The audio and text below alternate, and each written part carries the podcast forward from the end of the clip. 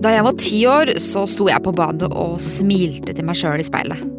Det kilte i magen, for jeg hadde fått min første mobil. Og den var grå og passa perfekt i hånda mi.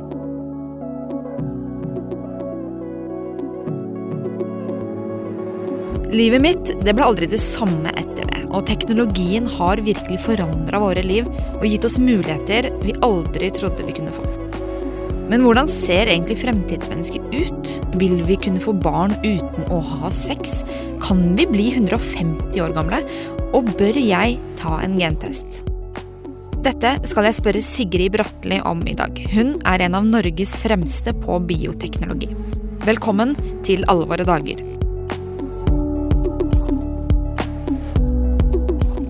Det er skikkelig kult å, å ha deg her. Du er molekærbiolog. Vært eh, spesial... Nei, du er Jeg klarer ikke å si det. Molekylær. Du er molekylærbiolog, vært seniorrådgiver i Bioteknologirådet og jobber nå som spesialrådgiver for genteknologi i Kreftforeningen. Er det riktig? Ja, det stemmer. Jeg har også en annen jobb, da. Jeg jobber som spesialrådgiver for genteknologi i Norsk Landbrukssamvirke. Ja, Men du er vel det vi kaller for en av de skarpe knivene i skuffen? Jeg håper jo det. Ja, ja jeg har gleda meg veldig til å møte deg, og jeg har så ufattelig mange spørsmål. Du har jo nettopp gitt ut boka Fremtidsmenneske, hva den bio bioteknologiske revolusjonen betyr for deg, sammen med Halvard Kvale. Og den eh, slukte jeg. Og i flere sammenhenger så har jeg faktisk brifa litt med den kunnskapen som jeg nylig har, har fått. Og da er det gjerne to ting som jeg tar fram. Og, så kjære lytter, visste du at eh, tar man alt DNA fra cellene våre og knytter det sammen til én lang tråd, så kan man surre tråden to og en halv millioner ganger rundt jorda. Det stemmer. Det er vilt. Og visste du at bæsj ikke bare er en magisk medisin, at den kan bli, at den kan bli en av fremtidens vanlige behandlingsformer for en rekke helse, helseplager, men den er også en ungdomskilde. Vi snakker altså om ungt blod, som man kan få kjøpt på, på svartebørsen i USA, men også om ung avføring som potensielt kan gi oss et lengre og friskere liv. Det er, det, det er faktisk eh, ganske fascinerende. Ja, men det er mye fascinerende å lære om menneskekroppen, og hvordan Ja. den funker, og hvordan vi kan bruke ulike teknologier til å bare overstyre den biologien.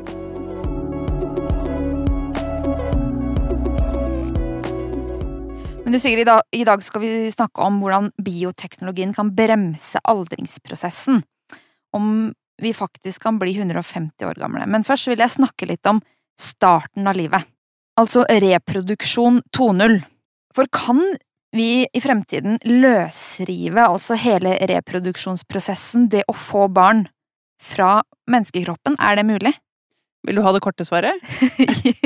ja! Jeg, det korte svaret er egentlig tja. Ok, tja.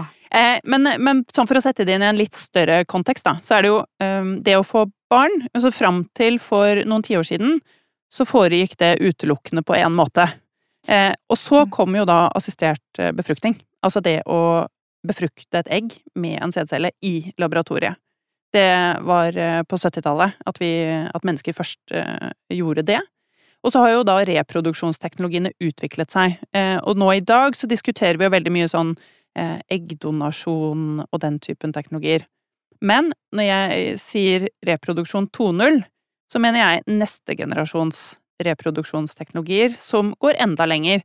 Og sånn som et sånt bakteppe, da, så er det jo sånn at eh, fram til nå så har det vært noen premisser som har vært helt ufravikelige, og det er blant annet at det trengs en kvinne og en mann for å lage barn, biologisk sett, og man har ikke hatt kontroll på det genetiske lotteriet. Men det er jo det Reproduksjon 2.0 prøver å eh, eh, hva skal jeg si, bryte, da, disse premissene. Både at man da kan eh, for eksempel lage kjønnsceller fra andre kroppsceller. Altså man kan omprogrammere celler til å bli kjønnsceller. Så du, da, du kan jo da få for eksempel en hudcelle omprogrammert til å bli en egg- eller spermcelle. Så vi kan i prinsippet få barn sammen, på en måte? I prinsippet, kanskje. Eh, man har klart det i museforsøk. Da er det to musemødre som har fått barn sammen, og de barna har igjen fått barn. Så det viser jo på en måte at den biologien er ikke så absolutt som man har tenkt, hvis man bruker bioteknologi. Og eh, dette med det genetiske lotteriet, det, det, er jo på en måte sånn at eh, Altså, man får jo genene sine fra mor og far, og den kombinasjonen, den er jo den blir.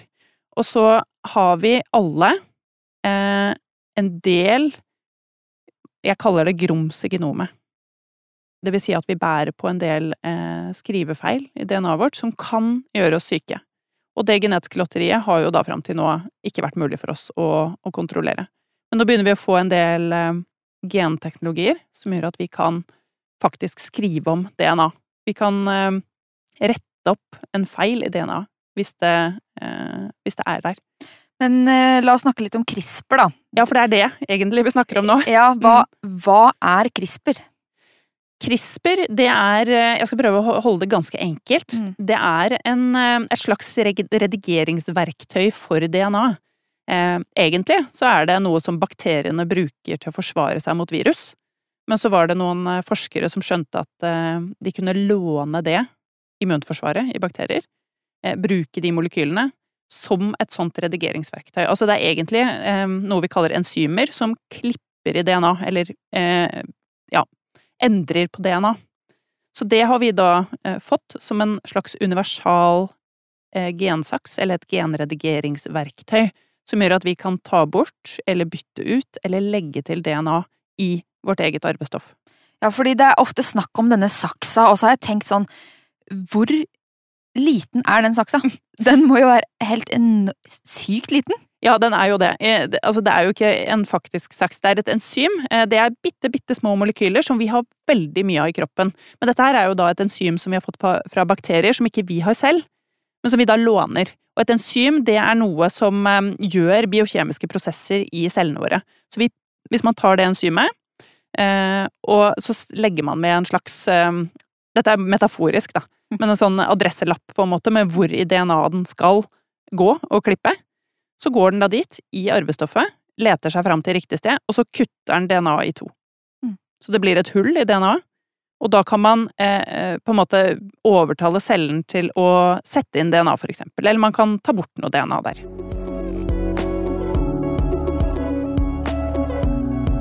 Ja, for i snitt så er jo hver og en av oss bærere av to eller tre genvarianter som kan gi alvorlige arvelige sykdommer eh, hos barna våre, da.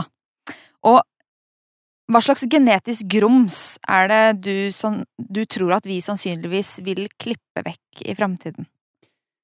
Eh, nå snakker vi om å endre på barna våre før de blir til, på en måte. I skåla. I skåla, ja. Fordi altså, det å bruke CRISPR eller andre genteknologier på voksne mennesker i kroppscellene, det er ikke egentlig så veldig kontroversielt, og det kommer til å bli mange medisinske behandlinger. Men det vi snakker om nå, er å eh, reparere eller fjerne en genfeil før man blir til, for å forebygge sykdom og overstyre evolusjonen vår.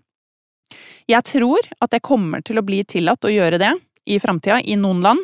I første omgang for eh, Nå snakker vi om alvorlig arvelige genetiske sykdommer som ofte skyldes at det er feil i ett gen, som gjør at man kan bli veldig syk. Eh, vi snakker eksempel om muskelsykdommer, eh, hvor musklene gradvis dør over tid, og man har ganske kort forventet levetid. Den typen sykdommer tror jeg at denne teknologien vil brukes for i framtida. Men så tror jeg enda litt lenger frem at det vil være andre ting som også er ganske fristende. Fordi det er jo de færreste av oss som har den typen alvorlige genetiske sykdommer. Men de fleste av oss, som du var inne på nå, vi bærer jo alle på en del eh, ja, grums i genomet som gjør at vi kan bli syke. For eksempel så er nesten én av fem i verden bærer på eh, genvarianter som gjør at man har økt risiko for Alzheimer-sykdom. Så hvis man kan endre på det, og fjerne den risikoen, selv om det, det betyr ikke at barna eh, dine blir veldig syke når de blir født, men hvis de har veldig høy risiko for Alzheimer, så kanskje det vil være fristende å ta det bort. Dersom den teknologien blir presis og trygg nok i framtida. Mm. For det er den ikke ennå. Nei, men hvis jeg setter det helt på spissen, da, jeg og min mann Sindre, hvis vi da eh, forsøker å få barn eh, eh, med, ved hjelp av assistert befruktning, og så får vi også med en, da, en PDG med på kjøpet, eller en Kan du si det? Jeg klarer ikke. Pre preimplantasjonsdiagnostikk. Ja. Ja. Eh, altså en gentest hvor man tester da det embryoet. Og så får vi vite at eh, det er stor sannsynlighet for at vårt barn eh, eh, blir født blind. Mm. CRISPR er jo ikke lov i Norge, men hva om i fremtiden vi da ha, Vi vil jo ikke ha et barn som er blind. Så skriver vi en følelsesladd kronikk eh, i VG med tittelen Jeg bestemmer selv over mitt eget barn. Hva skjer dersom befolkningens ønsker står sterkere enn forskernes kunnskap, da? Det er et veldig interessant spørsmål. Eh, jeg, det, er, det er veldig bred enighet om at den CRISPR-teknologien, å endre på ufødte barn, det skal ikke skje før teknologien er trygg. Så det er en sånn absolutt forutsetning som nesten alle er enige om. Nå har det jo vært eh, en og annen, eller i hvert fall én forsker, som har allikevel gjort det uten at den teknologien var god nok, men han sitter nå i fengsel. Så jeg tror ikke det er forhåpentligvis ikke så mange som har lyst til å prøve på det igjen, før man er enige om at den teknologien er god nok. Men eh, det som jeg eh, tror er en mer interessant dynamikk der, er jo når folket og politikerne vil forskjellige ting. For vi jeg vet ikke om det er eh, mange som husker, men det var jo en sak eh, for eh, drøyt ti år siden, eh, Mehmet-saken. Det var en gutt som hadde en alvorlig blodsykdom, og som trengte en benmargsdonor. Og da var det aktuelt å bruke den preimplantasjonsdiagnostikkteknologien for å lage et såkalt redningssøsken til han. Men det var på det tidspunktet ikke tillatt. Og da, eh, på grunn av den ene saken med denne ene gutten, så endret de hele loven for å åpne opp for det. Og det er ikke umulig at det vil skje også med CRISPR. Er det noen som sårt trenger den teknologien for å få friske barn, så kan det godt hende at man igjen kan flytte politiske fjell. Det Mm. gjenstår å se. Men tror du det vil bli moralsk påkrevd å endre i barnets DNA? Altså hvis vi får vite, da, eh, at barnet har stor sannsynlighet for å bli syk, da. Mm. Eh, kreft eller, eller de, de alvorlige sykdommene. Vil ikke vi da kanskje tenke at eh, siden det er mulig, og siden vi Bør vi ikke da gi dette barnet et godt liv og gjøre det vi kan? At det blir moralsk rett? Eller moralsk galt å stå og si sånn nei, la at, at det blir tilfeldig, da. Eh, jeg tror noen vil tenke sånn. Jeg tror at noen vil tenke at det eh, bør være påkrevet, eh, og være så sikker som man kan på at man ikke overfører sykdom til fremtidige generasjoner. Men det, nå snakker vi ganske langt inn i framtida, altså. Dette Mm. er ikke rett rundt hjørnet. Nei. Men jeg tror ikke at man vil eh, kreve at man slutter å få barn på gamlemåten. For det er det det innebærer. For å kunne bruke den typen teknologi som vi snakker om her, CRISPR og, og preimplantasjonsdiagnostikk, som vi allerede har i dag, eh, så må man gjennomføre assistert befruktning. Og jeg tror ikke det vil bli et krav, for å si det Nei. sånn. Nei. Du nevnte jo disse eh, dette eksperimentet med to eh, hunnmus som da fikk barn sammen. Vil det da Vil det være mulig å fostre opp et barn i en avansert plastpose i laboratorium? Ja, for det er jo det andre spørsmålet, om man trenger en livmor eh, Ja. eller ikke. Fordi eh, som per i dag, da, så, så er jo kvinner absolutt helt nødvendig for å gjennomføre et svangerskap. Eh, men det, det, det er jo et veldig interessant felt, hvor det skjer veldig mye. Eh, det er forskere som har vist at eh, man kan gjennomføre siste del av et svangerskap i en litt avansert plastpose. Eller en veldig avansert plastpose, for å si det sånn. Det er ikke noe Rema-pose, Det liksom? er ikke Rema-pose, det en, men det er en, en, på en måte en pose fylt med noe som ligner på fostervann. Ja. Og som har vist da i dyreforsøk igjen, med lam i dette tilfellet, at man kan eh, fullføre den siste delen av svangerskapet. Og det er jo i utgangspunktet tenkt som en teknologi for å, hjelpe de som er for tidlig født, Mm. ikke for å fjerne på en måte kravet om en kvinnelig livmor. Eh, så den teknologien vil i aller størst grad brukes til det. Men eh, samtidig så er det andre som jobber med å eh, eh, holde et nylig befruktet egg i live så lenge som mulig, det vil si i starten av eh, fosterutviklingen. Og foreløpig så har de klart å holde et befrukta egg i live i ca. 13 dager, eh, men da måtte de avbryte forsøket fordi regelverket sier at ikke de kan fortsette noe lenger enn det, og de tror at de ville klart det lenger.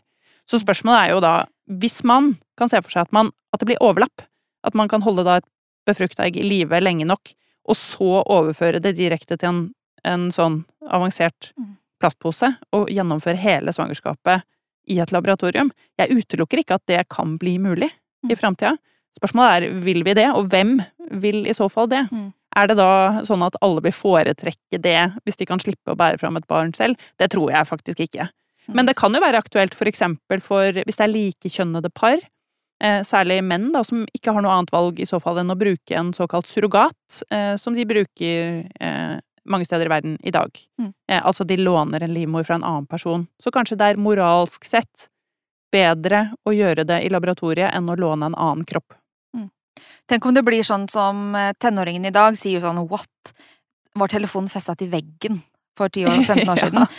Og mine tipp-tipp-tipp-oldebarn vil kanskje tenke sånn what? Fødte hun ut av tissen, liksom? At det på en måte blir bare sånn eh, hvor da, Hvorfor i alle dager gjorde de det, liksom? Ja. Det er jo vondt. ja, ja, men samfunnet forandrer seg jo i kjempehastighet. Det, det, det er i hvert fall helt utvilsomt at ting vil være veldig annerledes i framtida med bioteknologi enn vi er vant til i dag. I boka så kommer dere også med noen spådommer. Dere, dere tror annet at innen 2030 så vil det være helt normalt å sitte med en fullstendig utskrift av hele vårt genetiske manus, og dette er noe annet enn en sånn gjør det selv-test som man bestiller over nettet, men en mer omfattende test, og hva kan en slik test fortelle meg? Ja, altså um, Det er blitt veldig populært med gentester, å finne ut litt om hvem man er, og kanskje hvor man kommer fra, slektskap og den typen ting, eh, og eventuelt hvilke sykdomsrisikoer man bærer på. Eh, det som tilbys i dag, er jo bare et bitte lite eh, En liten flik av det puslespillet som er hele vårt DNA. Eh, og alle disse Vi har rundt 23 000 gener som påvirker hvem vi er. Så hvis du sitter med kunnskap om absolutt alt, så kan du få vite utrolig mye om deg selv. Men for hvermannsen så er det også veldig vanskelig å forstå hva det betyr. Fordi genetikk er utrolig komplisert. Eh, det er mange sammenhenger som vi bare så vidt har begynt å forstå. Og det å få beskjed om at du har for eksempel en, en genvariant som gir deg økt risiko for en, en sykdom, for eksempel en kreftsykdom eller hjertesykdom, og forstå hva det faktisk betyr, eh, det kan være veldig vanskelig. Hva ville du råda meg til å Eller dine, du har to barn. Mm. Eh, hvis dette blir da normalt når de blir voksne, hva vil du si til dem nå? Hva vil du forberede dem på? Noen spørsmål, eller Jeg vil si tenk veldig godt igjennom hva man har lyst til å vite. Man kan jo bli veldig nysgjerrig. Mm. Eh, Jeg er nysgjerrig selv, jeg har ikke enda tatt en gentest eller fått kartlagt hele DNA-et mitt, men jeg sitter jo og lurer på om jeg skal, fordi det kan jo være ting som er nyttig der, ikke sant, i forhold til for eksempel forebygging av sykdommer, da. Hvis jeg vet at jeg har økt risiko for hjertesykdom, så kanskje endrer jeg på livsstilen min, sånn at jeg kan leve litt sunnere fordi at jeg har den økte risikoen. Så det er noen ting der som man eh, kan ha nytte av, men eh, man kan også få masse informasjon som man kanskje ikke var forberedt på. Hvis du får vite at du har økt risiko for Alzheimer, hva skal du gjøre med den informasjonen i dag? Det er jo ikke noen behandling. Nei, i dag er det ingen behandling, så det vil aller mest sannsynlig skape masse bekymring. Men samtidig, kanskje i framtida får vi behandlinger. På hvilket tidspunkt da skal man på en måte tørre å, å, å få vite den typen informasjon? Mm. Og samtidig så er det jo viktig å huske på at genetikk er ikke alltid skjebne, ikke sant. Det er jo, eh, vi er jo ikke bare Altså dette genetiske manuset, det er eh, bare en liten del av historien. Vi er jo også veldig kompliserte biologiske organismer som samvirker med vårt miljø. Som påvirker hvem vi er, og hvilke risikoer vi har. Så man kan nok, det kan nok bli litt for eh, endimensjonalt hvis man skal ta alt som står skrevet i genene, helt bokstavelig.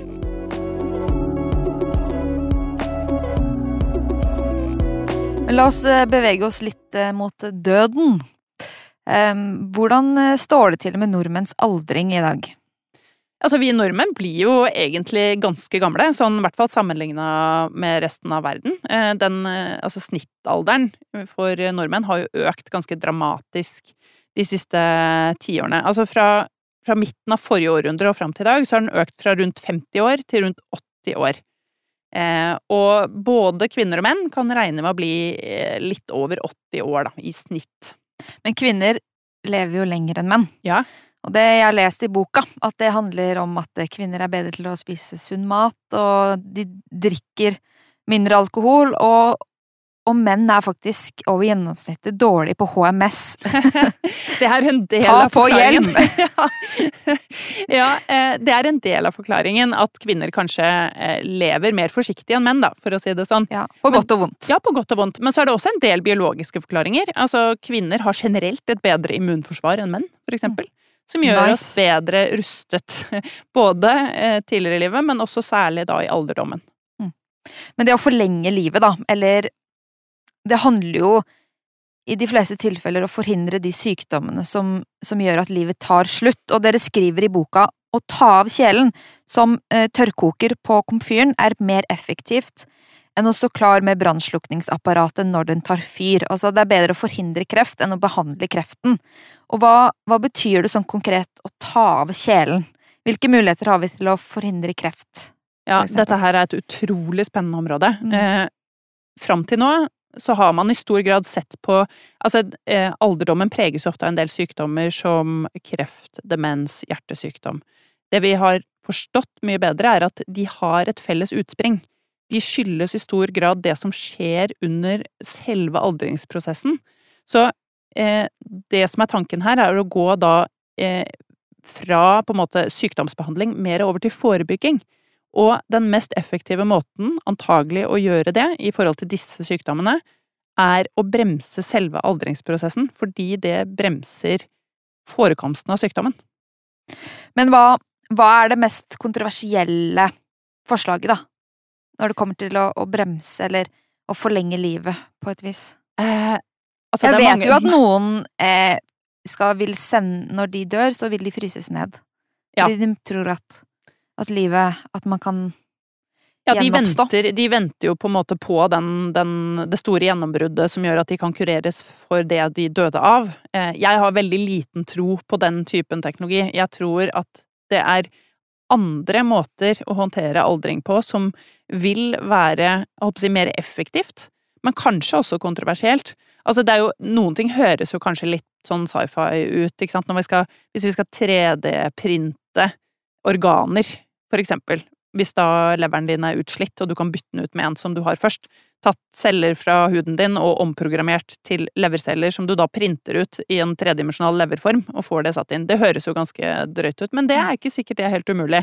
Det, forskere er kommet ganske langt med den teknologien. og Så det blir liksom en sånn hjerte- og karsykdomavdeling på Hennes og Maurits. At man kan liksom Man må bytte litt, litt sånn ut eh, organer eh, på sammenlignet med klær, da. Ja, det blir jo i så fall en, en, en liten filial oppe på Rikshospitalet eller noe sånt, tenker jeg. Og den er dyr. Ja, det er kjempedyrt. Ja. Ja, ikke sant, for det er jo noe av det. Man kan Men- jo også eh, dyrke organer i griser, har jeg forstått. Ja, og det er jo veldig kontroversielt. Mm. Eh, man kan eh, holdt på å si skru av organutviklingen i en gris, for eksempel et hjerte eller en bukspyttkjertel eller et eller annet sånt noe, og så fylle da det tomrommet med det vi kaller stamceller fra mennesker. Stamceller det er celler som kan bli til andre celletyper. Eh, sånn som vi var da vi var eh, bitte små befrukta egg, så hadde vi stort sett stamceller. Og så vokser det da frem et menneskeorgan i den grisen. Nå er ikke den teknologien helt klar enda, men det er eh, flere forskere over eh, store deler av verden som jobber med nettopp dette, for at man i fremtiden da skal kunne få eh, måter å fremstille organer på for de som trenger det. Og det er jo ikke bare de som er gamle, det er jo også folk som da ofte har organsvikt av andre grunner.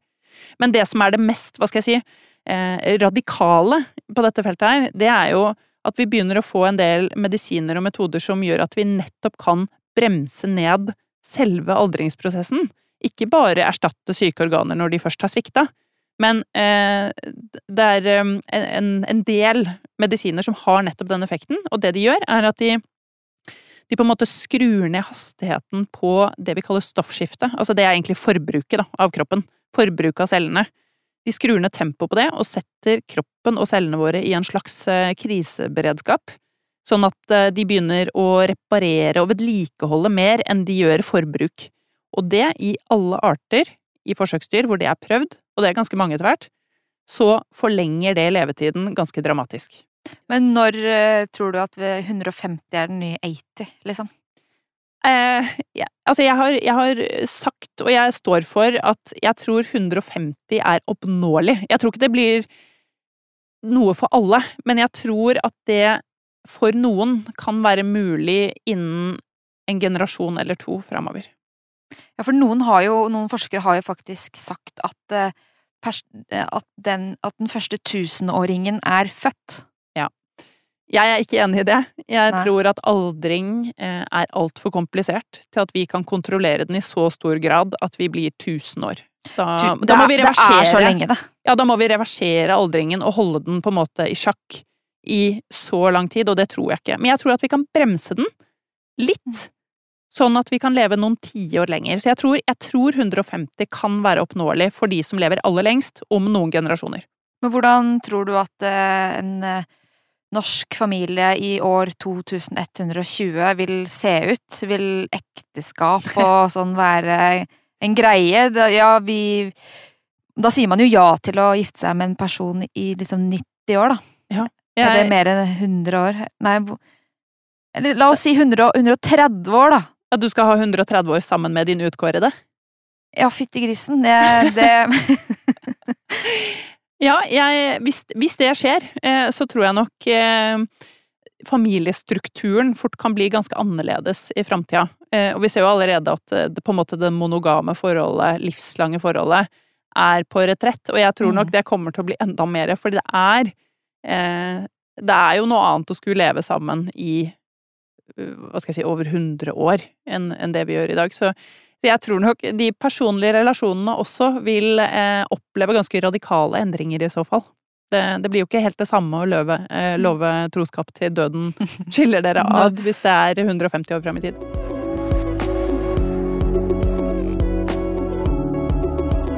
Men, men hva tenker du er Hva er det viktigste nå å ta vare på? Eller det- menneskeverdet, selvsagt, og, og Mm. menneskets egenverdi Ja. er jo det aller, aller viktigste. Men, men hvordan skal vi ta vare på det, og la det være en veiviser da, i alle de spørsmålene som vi er nødt til å finne svar på? Jeg tror at eh, det blir veldig viktig å ta disse debattene rundt bioteknologi eh, litt Altså få fram nyansene. For det er veldig lett å bli enten helt teknologioptimist eller helt teknologipessimist. Og at man da misser litt av det som ligger der, som nettopp handler om mennesket. Det handler om individet, det handler om livskvalitet. Det handler om eh, hvordan vi som samfunn ønsker å ta i bruk disse teknologiene. Og jeg tror hvis man er for restriktiv, eller for redd for å gå inn i de debattene, så eh, risikerer man jo at, at eh, dette blir overlatt på en måte til andre land, for eksempel. Fordi, Mm. som jeg sa, altså disse teknologiene er veldig tilgjengelige.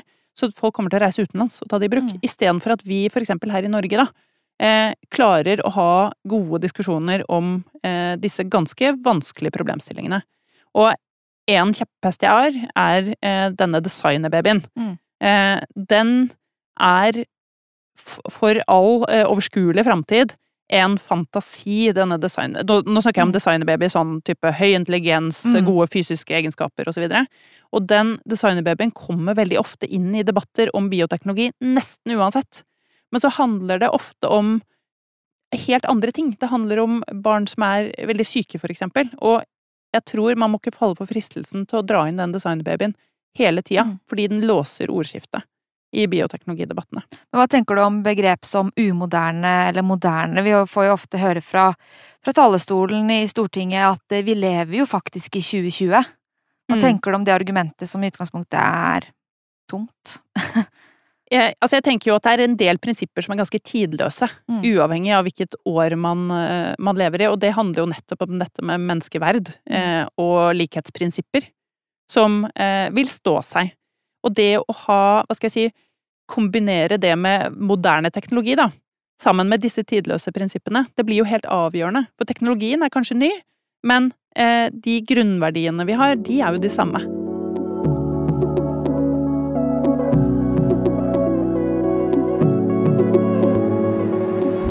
Denne podkasten er laget av Menneskeverd, og jeg heter Ingrid Ivo Vatnar Eikje.